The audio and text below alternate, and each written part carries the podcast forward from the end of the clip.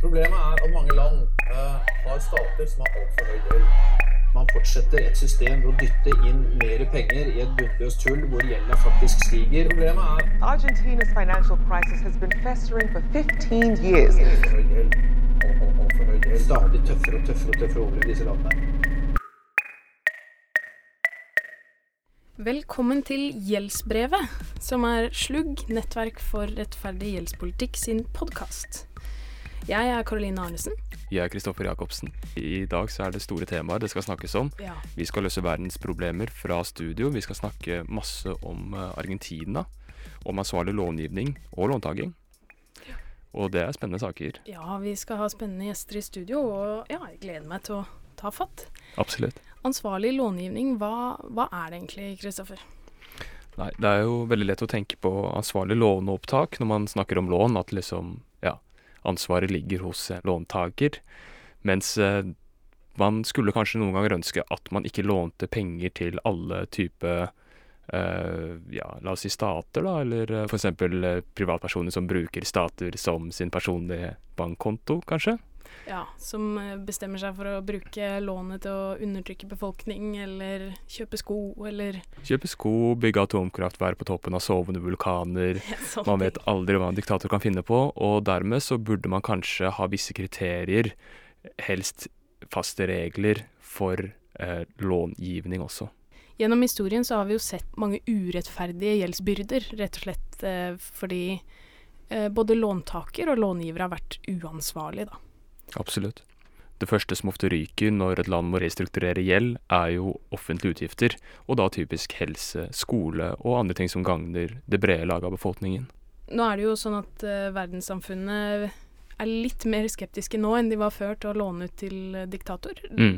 Men, uh, men det er fortsatt ganske mye uansvarlig lån som blir gitt, da. Mm. Men heldigvis så fins det håp, for i løpet av de siste årene så har det skjedd ganske store ting internasjonalt på gjeldsfronten, og i 2012 så fikk vi det som kalles for UNCTAD-prinsippene. Så UNCTAD-prinsippene er prinsipper for ansvarlig utlån og låneopptak. Her hører vi Ingrid Harvold Kongraven, som studerer, samfunnsøkonomi på The New School i New York. og hun har peiling fordi hun Jobba for Slugg før, da. Um, for tre år siden var det veldig i slutta, og flytta til New York for å ta doktorgrad. da. Da Ingrid jobba i Slugg, så fulgte hun den prosessen som leda til UNCTAD-prinsippene. Og disse prinsippene er et viktig første steg mot bedre regler for ansvarlig utlån og låneopptak på tvers av grenser. Det var i UNCTAD, FN sitt organ for handel og utvikling, at prinsippene ble jobba fram. Ingrid forteller oss fra New York om prosessen. Så det var en ganske komplisert og oppheta til tider og frustrerende prosess for dem som var med på den. Var, den gikk over tre år, da.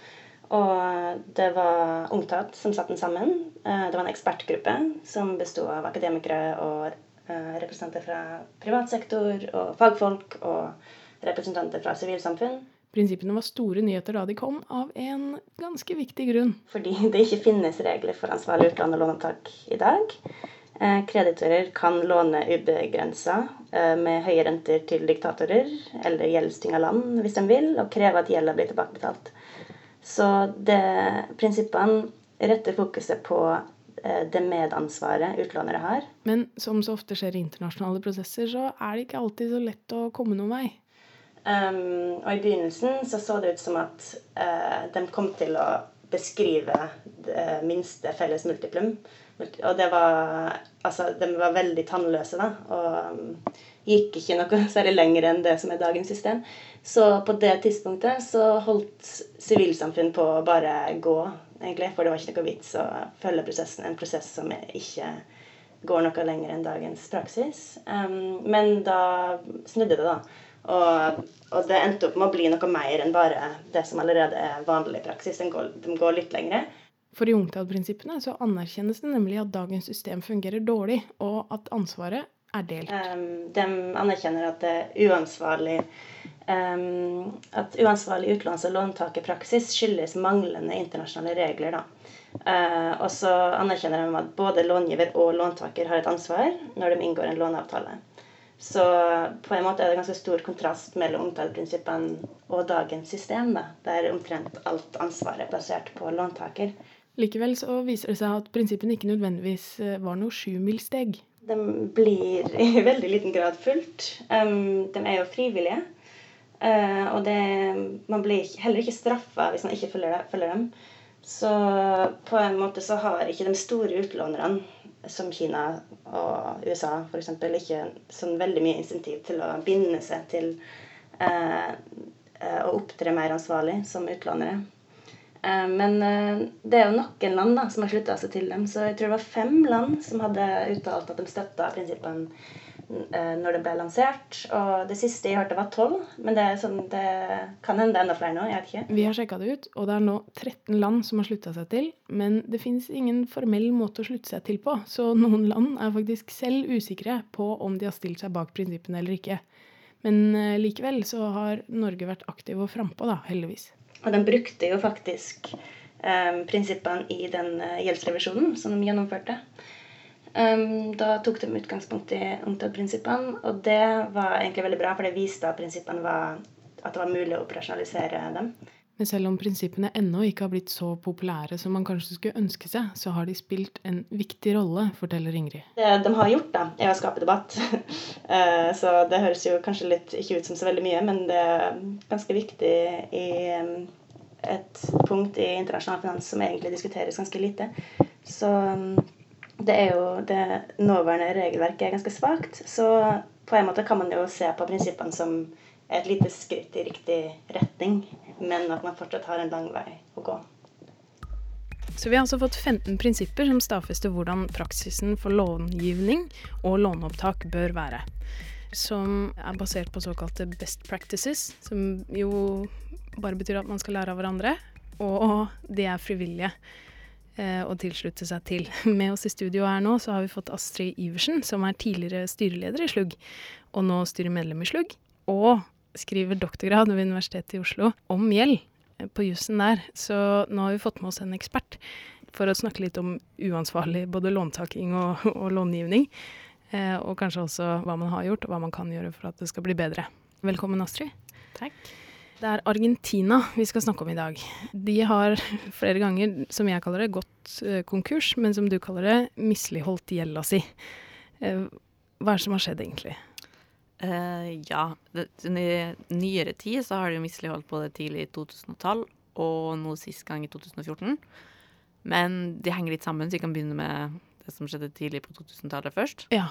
Uh, for da var det en svær økonomisk krise som førte til en kjempestor gjeldskrise og mange årsaker til denne økonomiske krisen. Men kort fortalt så kunne ikke Argentina betale på gjelden sin.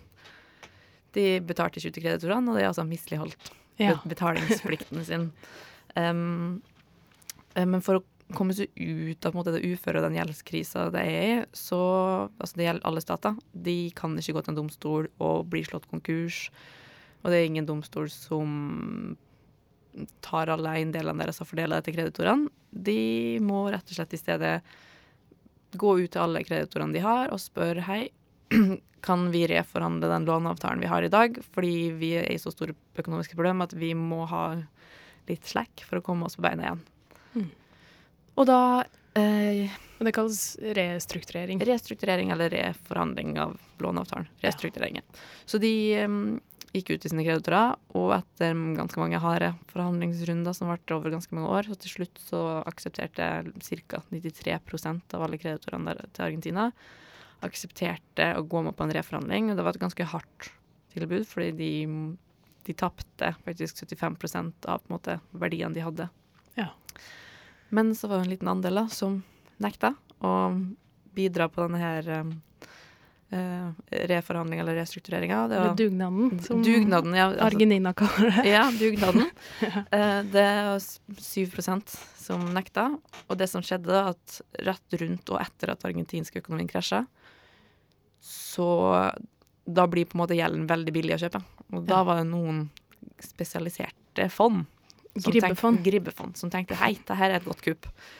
Så de kjøpte um, ganske masse av de her gjelden som ikke ble restrukturert. Og så tenkte de vi vil likevel ha fullt betalt. De betalte ganske lite, men de gikk til søksmål for å få fullt betalt. Ja. Så det har de også. Uh, den søksmålet har også gått, pågått i ganske mange år. Ja, fordi da har de saksøkt eh, Argentina i en domstol i New York. Ja. Og da er det en uh, berykta dommer der, Argentinas uh, verste fiende, nei, en dommer som heter Grisa, Ja. som bestemte at Argentina skal betale alt. Ja. ja. Så det han bestemte ganske fort i det søksmålet, var at ja, Argentina må betale sine, eh, alle sine kreditorer. og Det inkluderer òg de som har nekta å For- reforhandle. For sånn rent juridisk så sto dette i låneavtalen. Ja. Sånn at uh, Ja, det er altså du, Argentina hadde en avtale med alle sine kreditorer, og hvorvidt de har lyst til å akseptere å reforhandle eller ikke, det er opp til kreditorene. Så hvis de ikke har reforhandla avtalen, så står den gamle avtalen. Mm. Så det sto, og det sto, ja. Så det, det var jo ikke overraskende svar, det. Men det har jo skjedd før. Eh, men den søksmålet fortsatte jo, fordi det er veldig vanskelig å tvinge et land til å betale. Mm. Du kan ikke gå inn og holde en pistol og si 'gi meg penger', eller Ja, og det er veldig vanskelig òg å eksempel ta eiendom og tvinge det, og, tvangsselge det for å få utbytte. Men det prøvde da mm, noen av de her eh, gribbefondene. Ja. Um, som en måte å få pengene sine på. Så de har uh, Når Argentinas militærbåt la til land i Ghana, så gikk de til den ghanesiske domstolen og sa ta arrest, som man kaller det, i denne båten der, sånn at vi kan tvangsselge den. Ja. Men det tapte de på, da. Ja. Eh, og de har også prøvd å ta arrest i argentinske um, presidentflyet når det er mellomlanda i USA, for å fylle bensin. Eh, så de måtte bare skynde seg å reise igjen. Fordi det, da har altså disse eh, fondene, eller kreditorene, eh, overvåka eh, argentinske eiendeler Ja, ja, ja. og prøvd å, prøvd å på den måten tvinge Argentina, eller tvinge fram en betaling fra Argentina. Ja. Men så har Argentina sagt nei. Ja, hele tiden, og de har klart å unngå å De har klart å unngå denne prøv... Eller angrepet på deres eh, eiendom rundt om i verden. Selv om det har vært en sånn katt og mus-lek ganske mange ganger. Og det har pågått i mange år, og han her berykta dommeren er jo gått ganske lei av at Argentina har vært så obsternasig. Så det som skjedde til slutt nå, eh, i 2014 Der kommer vi inn på det andre misligholdet. Det var at de sa at Argentina får ikke lov å betale de kreditorene som aksepterte restruktureringa, for de har blitt betalt jevnt og trutt siden avtalen kom på plass. Men de får ikke lov å betale de noen ting, så lenge de ikke samtidig betaler de eh, gribbefondene og de andre som har nekta å restrukturere gjelden. De 6-7 prosentene. Ja. Fordi det står også da i kontraktene at alle kreditorer skulle behandles likt. Ja.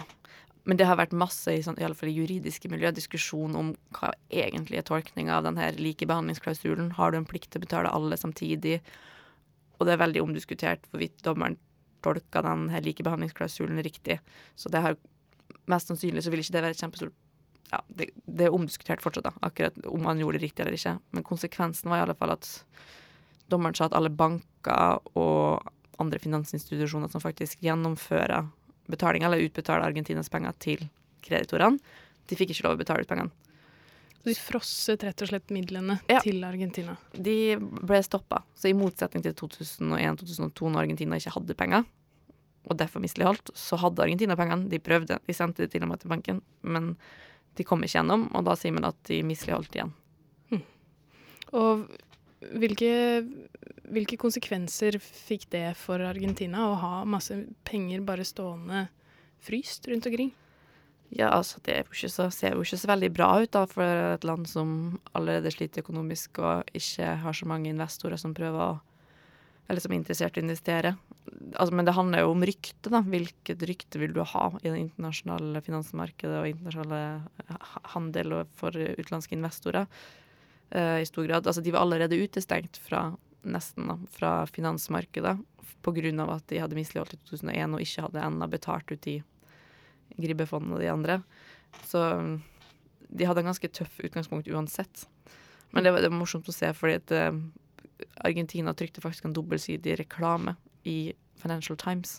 Der de, det var bare tekst der de forklarte at det var ikke de som ikke ville betale. De ville veldig gjerne betale, de som hadde restrukturert, men de fikk ikke lov. Så et par dager seinere så kom det to av eller ett av Gribbefondene og trykte en tilsvarende reklame med like mye tekst. Så det er liksom veldig mye rykte, da Ja. Så det er rett og slett en liten sånn propagandakrig også. Ja, ja virkelig. Så, men hva skjedde når det For nå har de gått til forlik nå i 2016. I mars 2016 så inngikk Argentina det første forliket med de største kreditorene, de som førte den saken i mm, Washington, ikke Washington, i eh, New York.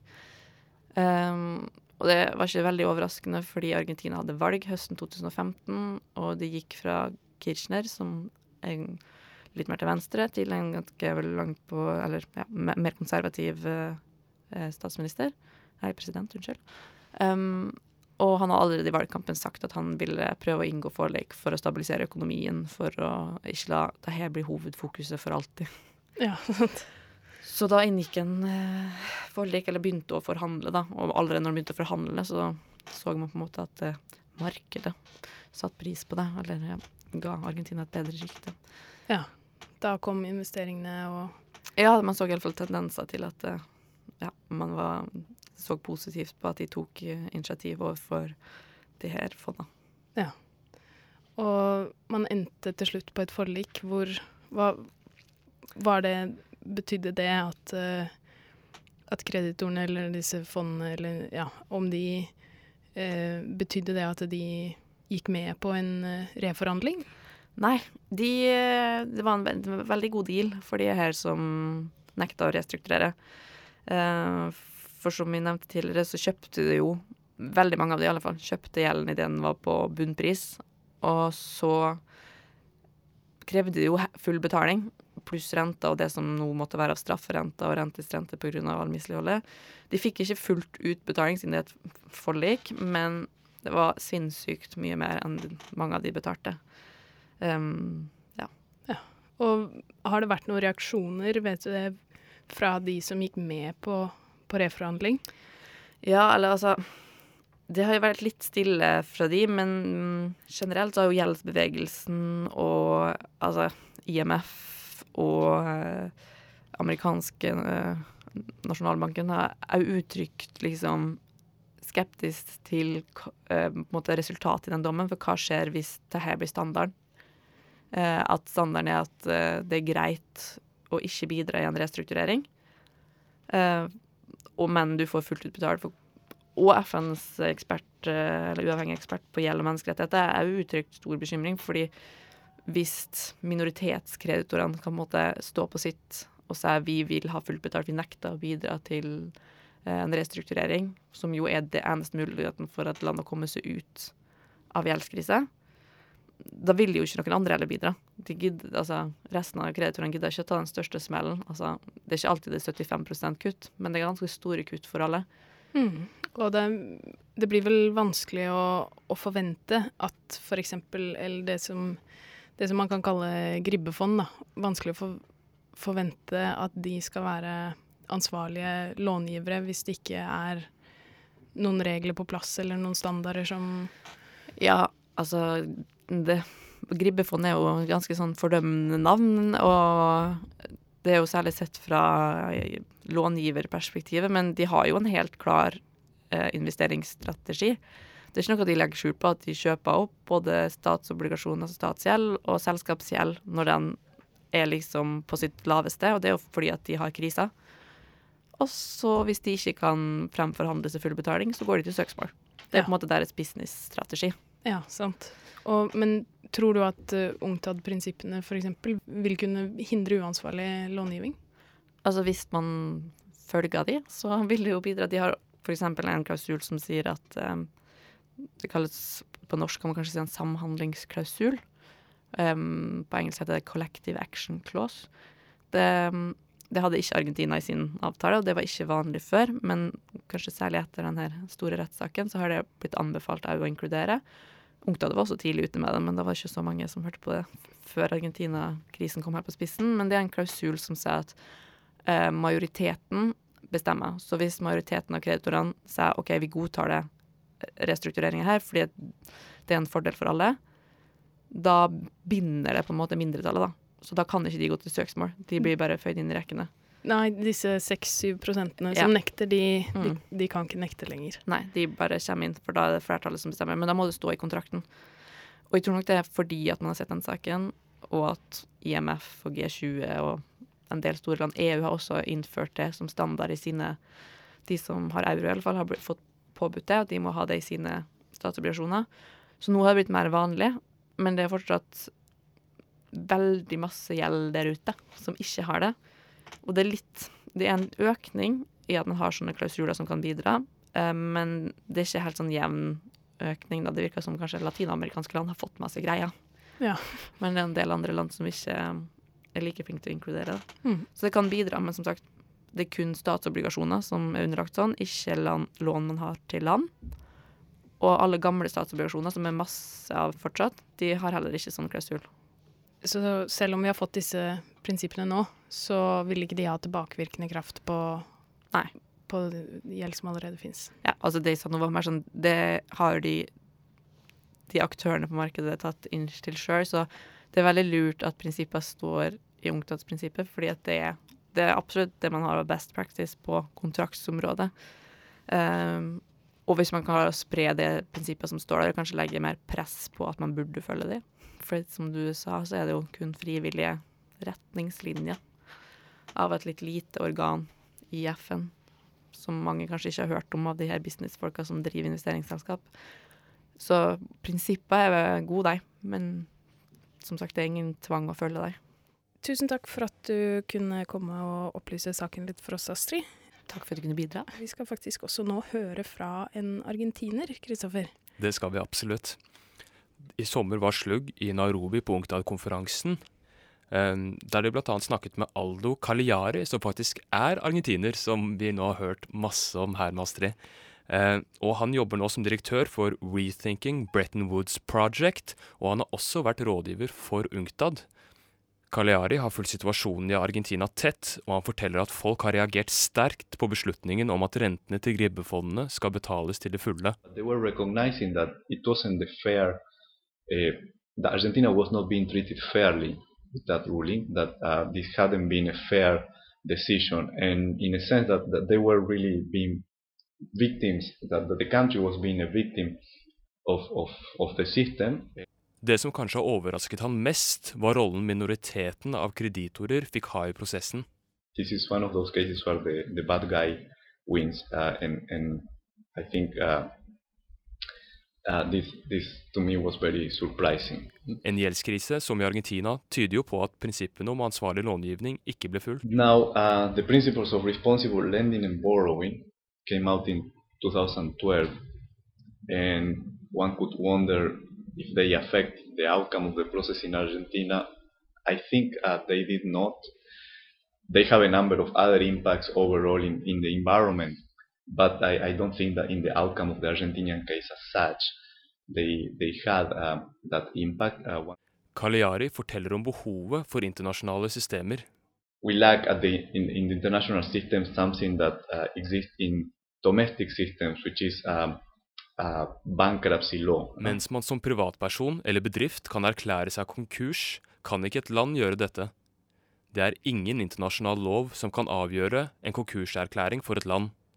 Og ifølge Aldo er det her noe av problemet ligger. Selv om vi har prinsipper som er gode, har vi ikke gode nok systemer og strukturer for å slette gjeld. The lesson um, here it, it really reinforces the need and, and the call for an orderly and timely way to resolve a sovereign debt crisis. Uten systemer som kan håndtere gjeldskriser, kan det fort bli dyrt for alle parter.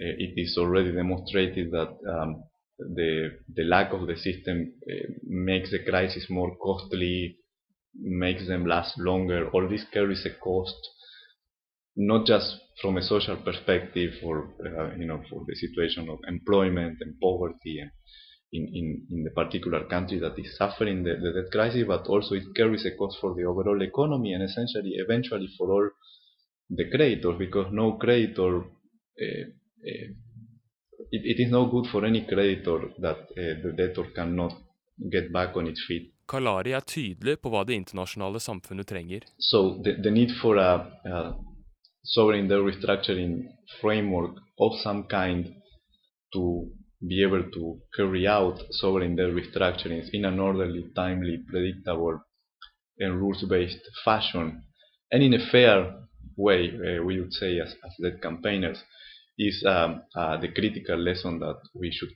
take with us from this crisis.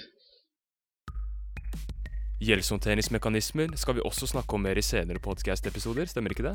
Jo, det stemmer. Eh, vi skal snakke om veldig mye spennende i episodene som eh, følger denne. Yes, vi kan jo tease litt og si at neste episode kommer til å handle om investeringer i statsobligasjoner. Å, det er så sexy tema. Det var jo, Hvis vi skal oppsummere litt, Karoline, hva skal vi trekke fram som highlights fra dagens podcast? Eh, Argentina-saken som eksempel er jo, viser jo veldig tydelig eh, at vi trenger noen internasjonale eh, regler eh, og systemer som, som kan håndtere gjeld. Det blir veldig rart når en dommer i New York sitter og behandler et selskap på lik linje med en stat. Så her, her trenger det internasjonale samfunnet å jobbe sammen og finne Det er bra vi har funnet retningslinjer, men vi trenger kanskje å, å stramme opp enda litt mer.